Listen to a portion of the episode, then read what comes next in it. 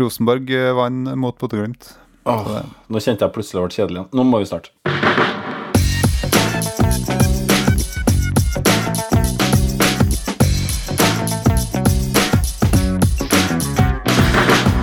Du hører på Psykologlunsj, populærvitenskapelig lunsjprat med psykologene Tommy, Jonas og Jan Ole.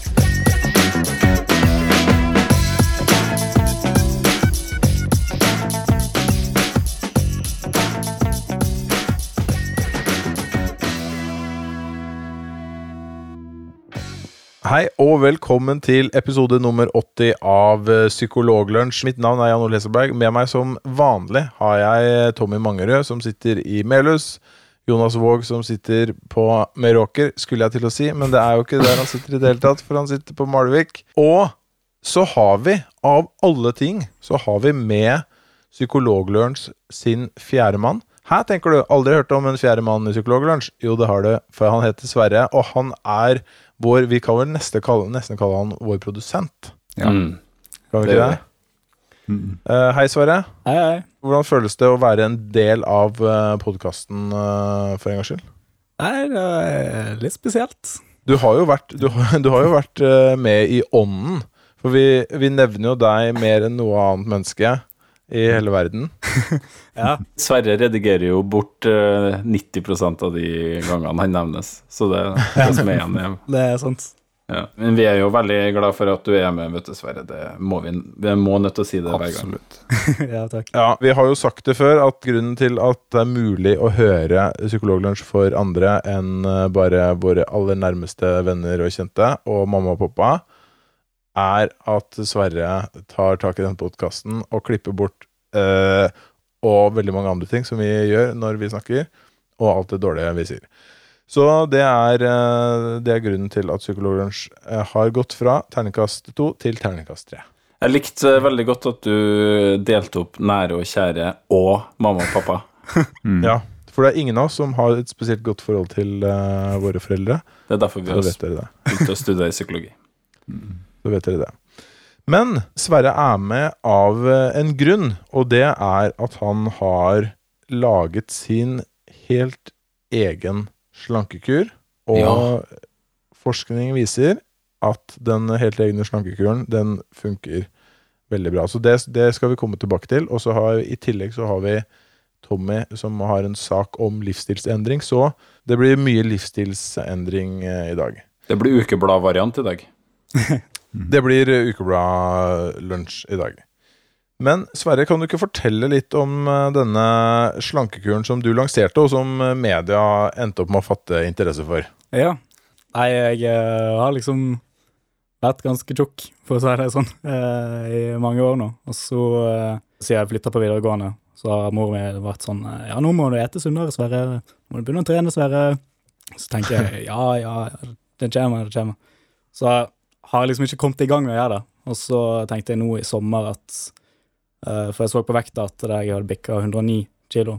Da tenkte jeg at nå var det nok, nå må jeg gjøre et eller annet. Så uh, jeg tenkte at jeg kan i hvert fall begynne med å endre måten jeg eter på. For jeg har prøvd å begynne å trene tidligere og sånt, men det har ikke funka fordi at det har rett og slett vært så slitsomt. Og hvis en eh, skal begynne å legge til noe i hverdagen sin, som trening, så eh, kommer det en dag der du plutselig ikke orker å gå ut, så blir du sliten, og så gidder du ikke å gå ut, og så blir det bare å være på seg, og så slutter du med det. I hvert fall det som har skjedd med meg tidligere. Så jeg tenkte at hvis jeg bare slutter å ete liksom pizza til frokost og middag og kvelds, så hjelper det kanskje det litt. Mm. Så, Ja. Men det har jo hjulpet mer enn litt, for å si det mildt. Ja. Si litt mer om eh, hvilke grep du tok. eh, altså Du sier gjøre noe annet enn å spise pizza til frokost og lunsj og middag, men var det utelukkende det du gjorde? At du endra på hva du spiste, eller eh? Ja, det er faktisk egentlig bare det jeg har gjort. Jeg Eller det, det som gjorde at jeg fikk det til nå, da, føler jeg, det var at jeg første gangen at jeg jobba i Oslo på sommeren. Sånn at jeg hadde ingen i Oslo liksom som jeg kunne henge med, sånn type skal vi stikke ut i helga, eller noe sånt, på en måte, da. Så jeg hadde liksom bare jobb og så dette her lille prosjektet mitt da, å tenke på. Og det eneste jeg gjorde som da endra liksom fra hva jeg pleier å gjøre til daglig Jeg satt fortsatt inne og spilte etter jeg var ferdig på jobb og var oppe til langt på natt og Sånn. Så, men det eneste jeg endra, var at jeg åt mindre. Men jeg sulta ikke meg, da. Jeg åt uh, normale måltid. Det er jo altså fordi at Hvor mange slankekurer og tips finnes det, liksom? Det er jo en, en million varianter med bytt ut det ene med det andre, eller spis bare det her, eller eh, kun det ene eller det andre. Eller masse sånn veldig spesifikke eh, tips. Ja. Eh, Men du sier at du rett og slett bare spist mindre? Ja, nå åt jeg jo veldig masse i utgangspunktet, så det skulle jo ikke så mye til for å ete mindre, men Ja. Eh, jeg spiser òg veldig variert, liksom. Det er ikke sånn at jeg eh, bare spiser salat eh, og sånt. Jeg Mm.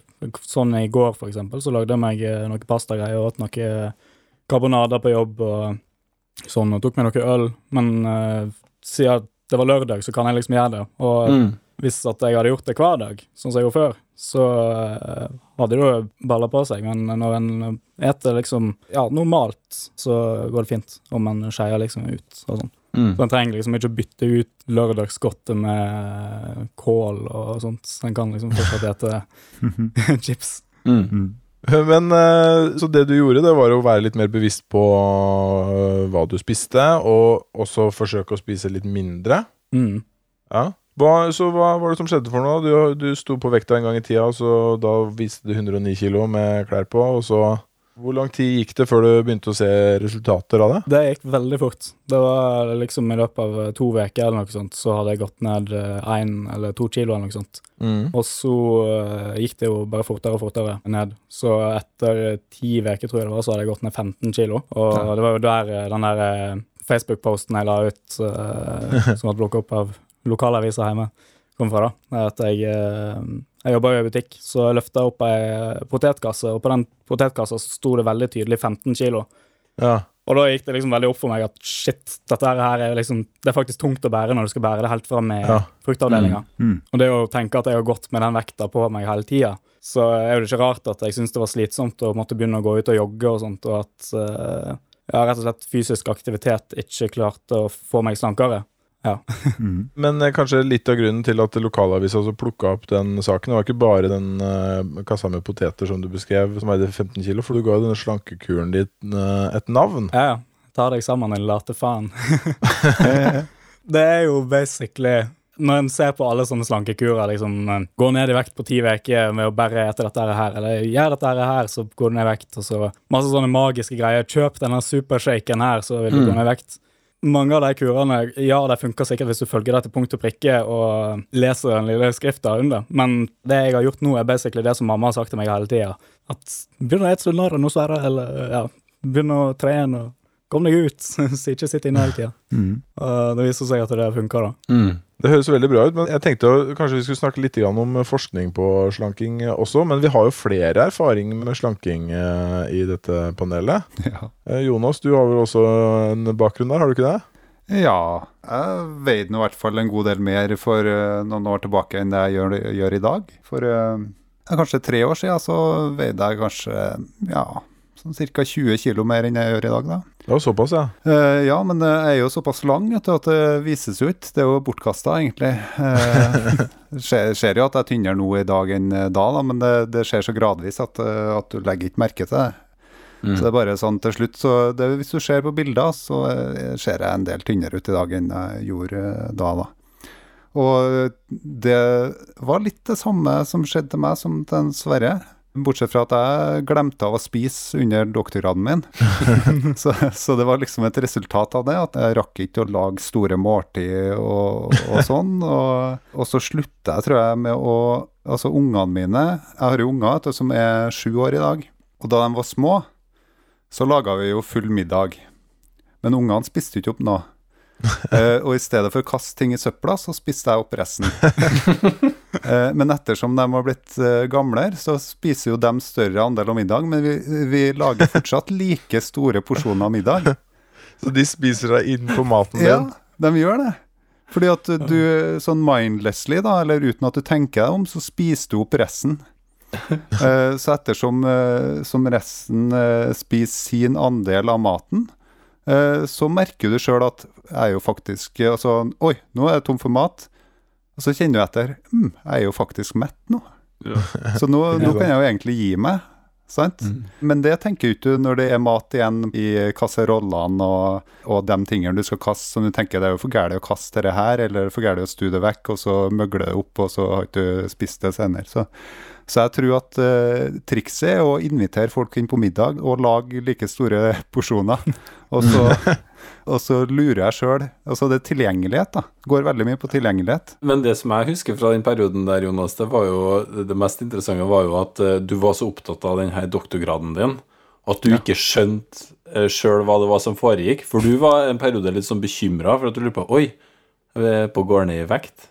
Eh, og, så, og så var du så inni det der doktorgradskaoset ditt at du la ikke merke til at du bare glemte av å ete. Nei, plutselig så datt jo buksa av meg, liksom. Eh, Bokstavelig talt, da. Når jeg skal ta den på meg. Det kalles blotting, Jonas. Jeg har ikke, noe med slanking å gjøre. Eh, og er jo fortsatt, altså jeg sliter jo fortsatt med at jeg driver og skifter ut i garderoben min. sant? Og jeg har jo fortsatt noen klær som er igjen der fra den, eh, den gamle tida. Det, Sånn er det sikkert den Sverige òg. Ja. sant? At du, at du har noen eh, klær som er litt sånn eh, som, ja, som blir litt sånn, sånn telt, da, på et vis. Ja, Jobbbuksa mi er jo altfor stor nå, så jeg skal prøve å få bestilt en ny. Jeg, Eh, jeg måtte drive og slå nye hull i beltene mine. Og... Mor mi sendte jo nettopp òg ei eh, gammel dressbukse bort hit, som nå passer. Så jeg har jo masse klær hjemme da, som eh, passer Ja. meg. Ja, ja. Mm. Ja, Men, Så du, du får sånn retrostil? Ja. At du kan bruke Arver for meg sjøl. Men Jonas, du har holdt det vekttapet en stund, da, eller? Ja, Det har stabilisert seg, eller gikk, Ja. gikk du litt opp igjen? nå har det stabilisert seg på den vekta, da, den som eh, ligger sånn ca. 20 kg under det, det jeg veide. Men eh, nå skal jo det høre med til historien at jeg gikk opp en god del da ungene var kjempesmå. Sånn at jeg veier sånn ca. 10 kg under det, det jeg gjorde i utgangspunktet. da. Ja, nettopp. Men det jeg merker, er, er jo sånn at uh, den metthetsfølelsen kommer tidligere, da. Så du, Mm. du, du trenger liksom ikke noe mer mat enn når du kjenner at du er mett. Mm. Så det er bare å passe på at man ikke nødvendigvis fungerer som en søppeldunk for øh, resten av maten. Mm. Eller lage litt Ja. mindre mat. Men har ikke vi snakka om det, litt usikker på om vi har snakka om det før, at eh, det er jo gjort noe sånn forskning på det her med eh, det visuelle, altså at eh, når fatet er tomt, så opplever du at du er mett. Har, ikke vi snakka om det, Jan Ole? Jo, det er det gjort noe forskning på. Det er ikke, altså, det er ikke gjort noe forskning på det som et virkemiddel i slanking, Nei. så vidt meg bekjent. Men, men man ser det at når tallerkenen er mindre, så spiser folk mindre. Men om det er sånn hvis du, hvis du kjøper deg en sånn knøtteliten leketallerken og spiser middag fra den hver eneste dag Jeg vet ikke om det fører til at du, du slanker deg, men når man gjør det på en restaurant for så har det Eller på en buffé, så utgjør det en forskjell. Men eh, jeg har jo også vært gjennom en sånn slankeperiode, og det var i fjor. Og ikke fordi at jeg veide så veldig mye. Da jeg begynte å slanke meg, så hadde jeg, eh, hadde jeg en BMI på ca. 23. 86 kilo veide jeg. Og så er jeg jo 1,93 høy, så overvektig var jeg overhodet ikke. Men, men grunnen til at jeg begynte å ønske å slanke meg, det var delvis fordi at jeg hadde, jeg hadde slutta med snus, og så begynte liksom vekta å krype opp, noe som ikke er så veldig uvanlig. Og så på et eller annet tidspunkt så kom den til et sånt punkt hvor jeg tenkte at nå må jeg, nå må jeg begynne å Dette kan ikke fortsette, så nå må jeg begynne å ta litt kontroll på det. Og så begynte jeg å følge med på vekta, registrere litt hva jeg spiste og, og sånn. Og så, og så begynte vekta å stupe. Og så samtidig så drev jeg jo med sykling eh, ved siden av, og da er jo vekttap er jo en ganske stor fordel, da. Mm. Når du driver med sykling. Så det var en sånn benefit som jeg bare Da bare fortsetter jeg med det. Og så gikk jeg ned ganske mye. Jeg tror jeg gikk ned sju kilo, så jeg gikk jo Jeg ble ganske tynn, da. Og tenkte at det, da, på det nivået her skal jeg ligge. Jeg har tenkt å liksom holde meg stabilt på det området her. Men nå gidder jeg ikke å registrere maten og sånn. Jeg bare, jeg bare spiser vanlig. Og da tok det ja, ca. et halvt år, så var jeg tilbake der jeg begynte igjen. Mm. Så når jeg sa nå, nå gidder jeg ikke å følge med så veldig mye med, nå bare skal jeg spise vanlig, så sneik vekta seg sakte, men sikkert opp. Og så enten så flata han ut på det nivået jeg begynte på. Mm. Veldig rart, fordi i løpet av det halvåret så gjorde jeg ikke noe annet enn å bare på en måte spise vanlig, og så sneik den seg oppover, men så stabiliserte den seg med en gang den kom på den vekta jeg, jeg begynte på. Og Mm. det er jo litt det forskningen eh, viser også, Mm. at i store grupper hvor mange slanker seg, så går ikke vekta helt tilbake, men den går litt sånn opp igjen til et visst nivå. Og så er jo det store spørsmålet, da Hvem er de som klarer å holde vekta nede, og hvem er de som kryper tilbake igjen? Mm. Og det har ikke jeg noen veldig gode svar på. Det er litt uklart i forskningen også. Tommy? Det jeg tenker på når du sier sånne ting, og det som jeg tenker på hver gang man snakker om det temaet der, det er det at hva er det man tenker er det iboende baseline, eller det iboende nivået som ligger i en person? Fordi at eh, sånn som du, Sverre, sier at du du, du får tilsendt eh, klær fra mora di nå Ja. som er en annen størrelse enn du var for et år siden. Mm. Så er det sånn at man da kan ha en periode hvor man da går ekstra mye opp, og så når man da slanker seg, så slanker man seg ned til sin egen baseline. Eller er det sånn at hvis du liksom først har bikka 100 kilo, så, er, så har liksom baselinen flytta seg dit? Er det noe, Vet du om det er noe gjort noe på det, Jan Ole? Nei, Det er jeg ikke helt sikker på, men du er nok inne på noe. Så hva er baselinene? Og det kan jo høres ut som f.eks. i Jonas sitt tilfelle, så er det kanskje sånn at eh, den befinner seg et sted kanskje rundt der han er nå. Og så var liksom den situasjonen han var i før doktorgraden, var den som var litt sånn unormal. Mm. Og så med en gang det liksom stabiliserte seg, og fikk litt sånn stress indusert fra denne doktorgraden i tillegg, Mm. så, så gikk det tilbake igjen til der det skulle være, i anførselstegn. Mm. Mens hos meg så var det omvendt. At det, jeg krøyp sånn sakte, men sikkert opp til en sånn normalt nivå for meg uten snus, på en måte. Mm. Og så klarte jeg å slanke meg ned uten store problemer. Men det som skjer, da, det viser jo for så vidt forskningen også, at når man går ned, så er det ikke bare å fortsette å spise som før og holde vekta si. Ikke sant? Mm. Skjønner dere? Så la oss si jeg spiser 2500 kalorier, og jeg veier 86 kilo. Og så går jeg ned til 79 kilo. Og hvis jeg spiser 2500 kalorier da, Mm. så kommer jeg til å gå opp. Mm. Og det er fordi at eh, Både fordi at når du har færre kilo på kroppen, så forbrenner du mindre. Det er én ting. Men i tillegg så justerer forbrenningen seg. Mm. Sånn at I tillegg til det, at du forbrenner mindre fordi du veier mindre, så skrus forbrenningen litt ned fordi at den venner seg til en situasjon med underskudd. Mm. Men hvordan er dette da, Sverre? Altså, er det en sånn kurve på hvor vanskelig det her har vært? At det var liksom verst i starten, og at nå er det jevnere, eller er det like vanskelig fortsatt? Nei, altså, i starten så var det litt problematisk eh, med det å klare å holde seg unna alt dette skittet. Jeg hadde jo òg vært i Sverige eh, noen uker før, så kjøleskapet var fullt i øl og mm. snop og sånt. Men eh, jeg klarte å la det ligge. Og jeg tror litt av det har nok med at jeg jobber i matbutikk òg, så jeg omgås liksom alt sånt hele tida. Mm. Men det var òg da vanskelig fordi at på bakrommet så ender det ofte opp hvis en kunde har slått hold på en pose med chips eller noe sånt, så legger vi det bak på bakrommet og sånt. Mm. Men, eh, Så det var veldig vanskelig i starten å liksom holde seg unna alt dette her, men jeg prøvde liksom bare å tvinge meg til å ignorere det. Men i dag så går det helt fint. Så, men jeg merker at vekta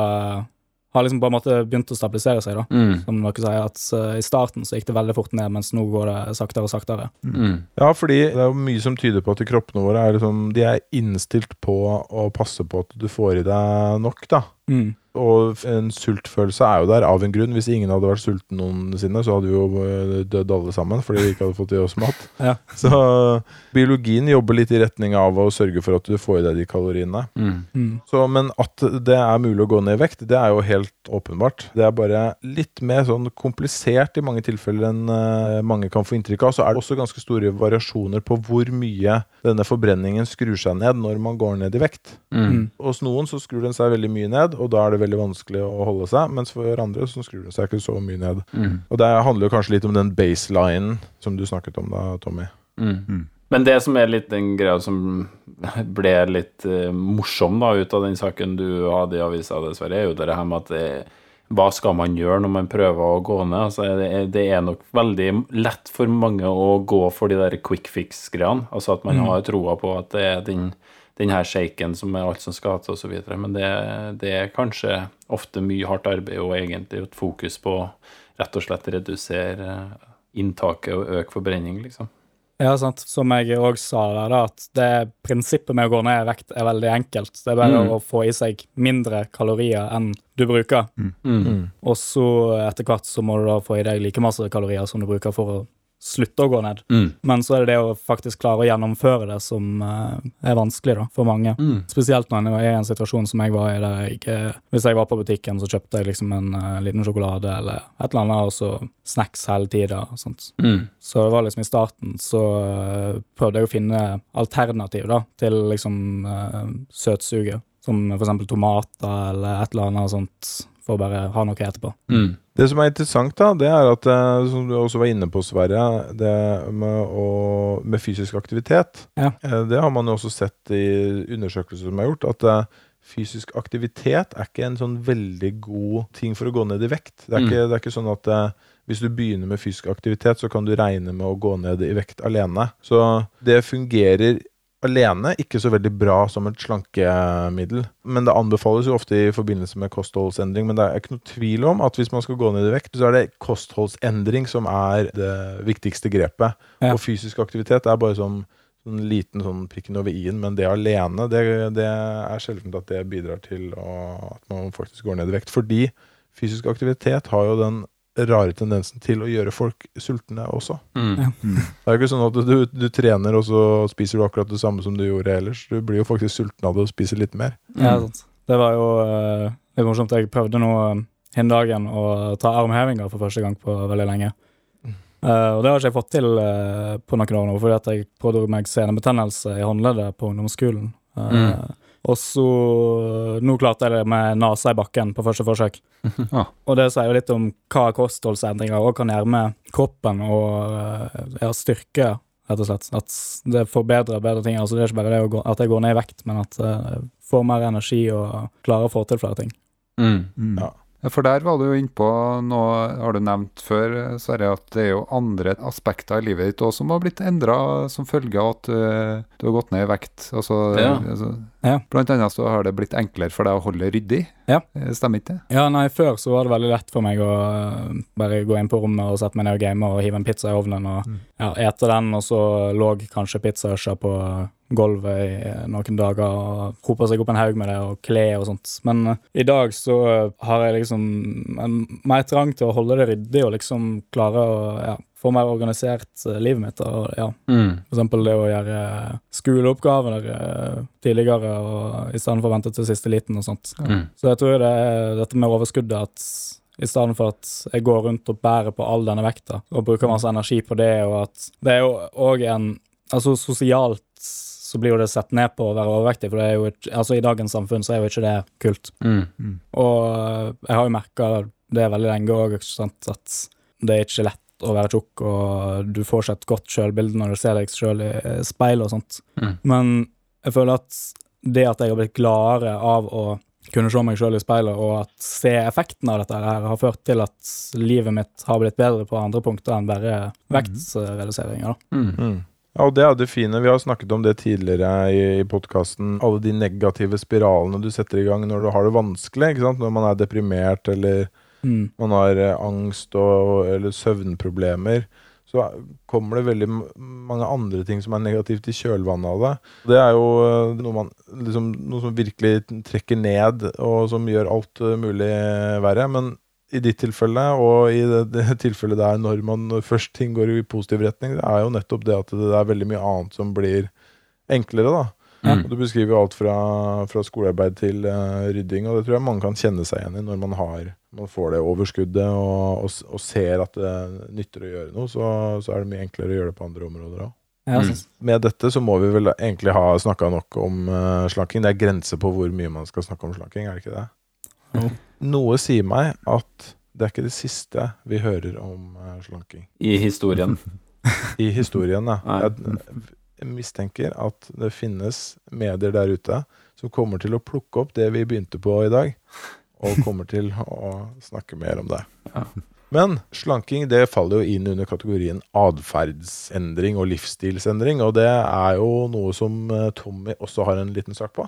Ja, fordi nå har vi jo hatt en sak som har fokusert veldig på en person. Altså at Sverre har tatt grep om det her med vekta og endra livet sitt. Men eh, det er også ganske interessant å se litt på hvordan eh, samfunn eller nasjoner kan eh, påvirke hvilke valg befolkningen tar når det kommer til f.eks. det jeg har funnet da en sak om røyking.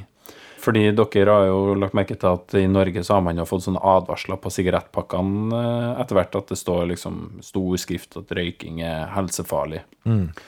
Og eh, det er jo litt sånn Det kan være litt vanskelig å vite om har de her tingene noen reell effekt, altså forandres atferden til befolkningen når man har sånne advarsler, da. Og der fant jeg en sånn um, en liten sak nå som uh, den er litt sånn todelt. For det ene er at det er forskergruppa da har gått litt sånn gjennom litteraturen på bruk av enda sterkere virkemidler enn det man bruker i Norge. da. Altså det at man har sånne litt sånne groteske bilder som man fester på sigaretteskene. Har dere sett dem? At det er enkelte land som har sånne Ja. ja, bilder av øh, Vi har vel hatt det her òg, har vi ikke det? Ja, det har vært sånn lunger og sånne Ja, har det vært det? Jeg har ikke vært Ja, det er mulig at det har vært det i Norge også. Men så det sånn eh, lunger som er helt ødelagt, og mm. forskjellige sykdommer man kan få, da. mm.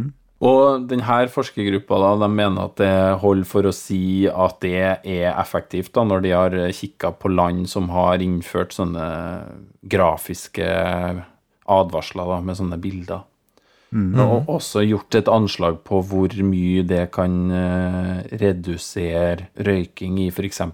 USA. da. Hvor røyking er den tingen som fører til mest helseskade som er valgfri, eller som kan gjøres noe med. da. Det fører til veldig mye uhelse. Så i deres kalkulering så kan det å begynne å klistre sånne grafiske bilder på eh, tobakk og sigaretter i USA medføre eh, en nedgang i eh, røyking på 5% i starten, og kanskje til og med da opp mot 10% i det lange løp, som innebærer ganske mange mennesker. da.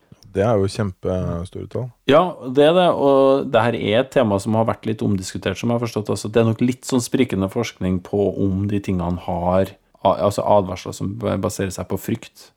Om det er en effektiv atferdsendring, for det er jo også mange tilfeller hvor man tenker at det ikke er effektivt å skremme folk, da. Ja. Men Hvordan er det i USA fra før? Er det mye advarsler sånn på røykpakka der? Vet, vet vi noe om det? Jeg ser jo for meg at de er jo libertarianere, mange av dem. Så det er jo, vil jo tenke at eh, det må jo folk få lov til å velge sjøl. Skal ikke stå på røykpakkene at eh, det her er farlig. Ja, ikke sant? Og det var litt av grunnen til at jeg tok den saken også. Nemlig at eh, det er jo et interessant tema om hvor går grensa da, for hva en nasjon skal gjøre for å regulere atferden til folk. Det er jo et kjempestort tema. Altså, Vi har jo bestemt oss for at sikkerhetsbelter i bil er det, det skal bare folk ha på seg, liksom. Vi har jo snakka om hjelmer her i en episode tidligere, sykkelhjelmer. og så Hvilke valg er det folk skal få lov å ta? Det, dere hadde jo også, mm, Jan Ole, på en episode på Folkeopplysningen, det her med cannabis, ikke sant, som toucher midt oppi det der. Mm. Hva er det folk skal få lov å styre av sine Ja. egne Ja, ja. konsekvensene over sitt eget liv? Det er jo et kjempespennende og stort tema. Og jeg kjenner jo at eh, vi mennesker vi gjør så mange rare ting. Og ikke minst i mitt eget liv så er jeg veldig veldig glad i at andre tar liksom kontroll over atferden min. Så jeg er veldig Jeg skulle ønske at sukker og sjokolade og sånn var dårlig tilgjengelig. Det skulle jeg veldig gjerne ønske. Skulle gjerne hatt et monopol på det også, som var åpent fra 11 til 11.30 hver dag. Sant? Og hvor det var svindyrt å kjøpe godteri. Du må åpne fra klokka seks om morgenen til klokka halv ni på morgenen, sånn at du i tillegg må nødt til å stå opp veldig tidlig. Da hadde, da hadde befolkningen begynt å stå veldig tidlig opp. Det skal jeg Ja.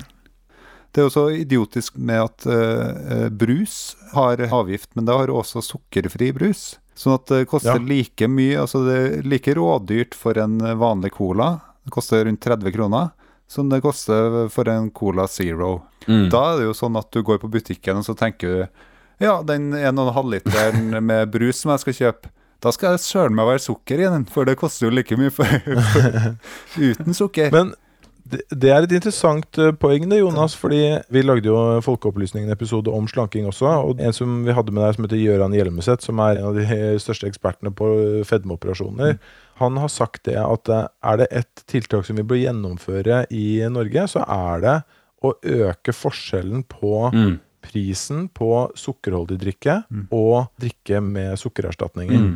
Så få ned prisen på lettbrus, og få prisen opp på brus med sukker. Så det er jo det er et kjempeparadoks at sukkeravgiften også rammer de sukkerfrie produktene.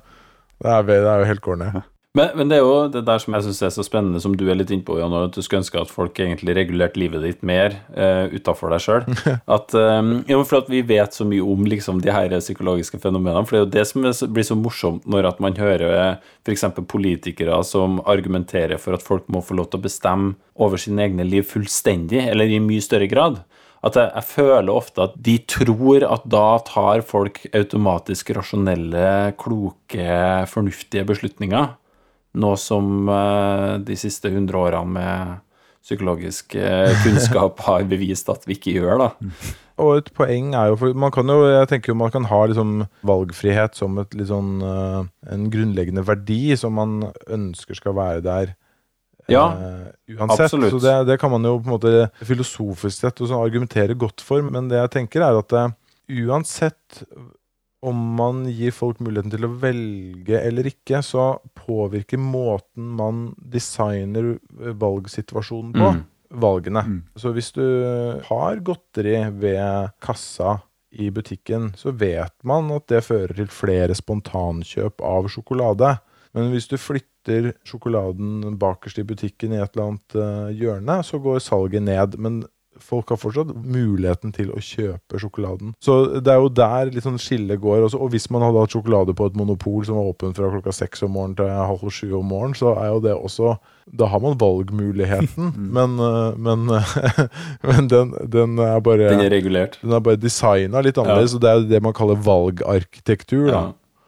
Men eh, Sverre, du som jobber i butikk, fins det noe sånne Man har lov å avsløre sånne bedriftshemmeligheter, men er det sånne eh, Hvor mye manipulering er det der, liksom? Det er jo masse, ikke det? En plassering og sånt? Det, jo, det er det absolutt. Uh, en av de som uh, kanskje kan avsløre, det er jo uh, eksempel når du tar melk fra kjøleskapet. Ja. Så vil den eldste melka være nærmest når du åpner. Ja. Sånn at når jeg plasserer melk i kjøleskapet, så plasserer jeg alltid den nyeste lengst vekk. Ikke sant? Og da ser du på slutten av dagen at det er nesten ikke tatt noe derifra, men det er tatt mest ifra midten. For folk gidder ikke å strekke seg helt bort. De åpner bare kjøleskapet litt, og så tar de den første de får tak i. Ja, ja. nettopp. Og det gjør da til at det blir mindre svinn, for at så slipper vi å kaste masse melk.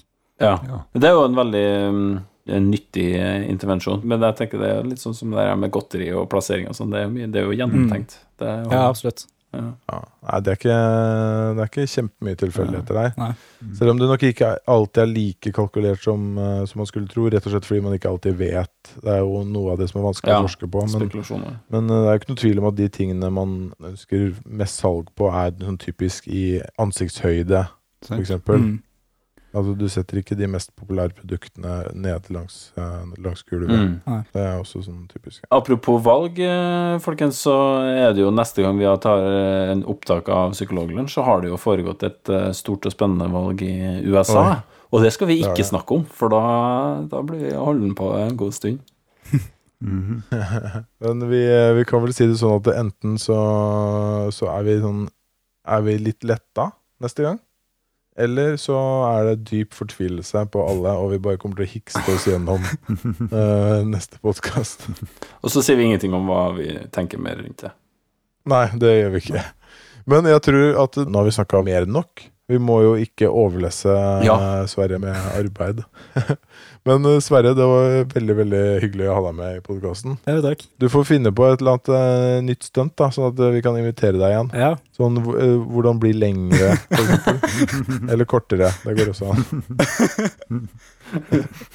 Eller så kan du svare på kanskje svare på en av de e-postene som kommer fra Nigeria og sånn. Ja.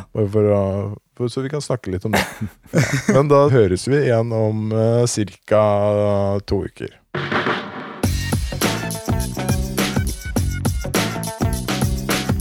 Du har nå lytta til Psykologlunsj. Har du noen spørsmål, kan du søke opp Psykologlunsj på Twitter, eller du kan sende en e-post til psykologlunsj alfakrøll.gmail.com. Mer informasjon om temaet du har hørt i dag, finner du på psykologibloggen.no og tankesmed.no.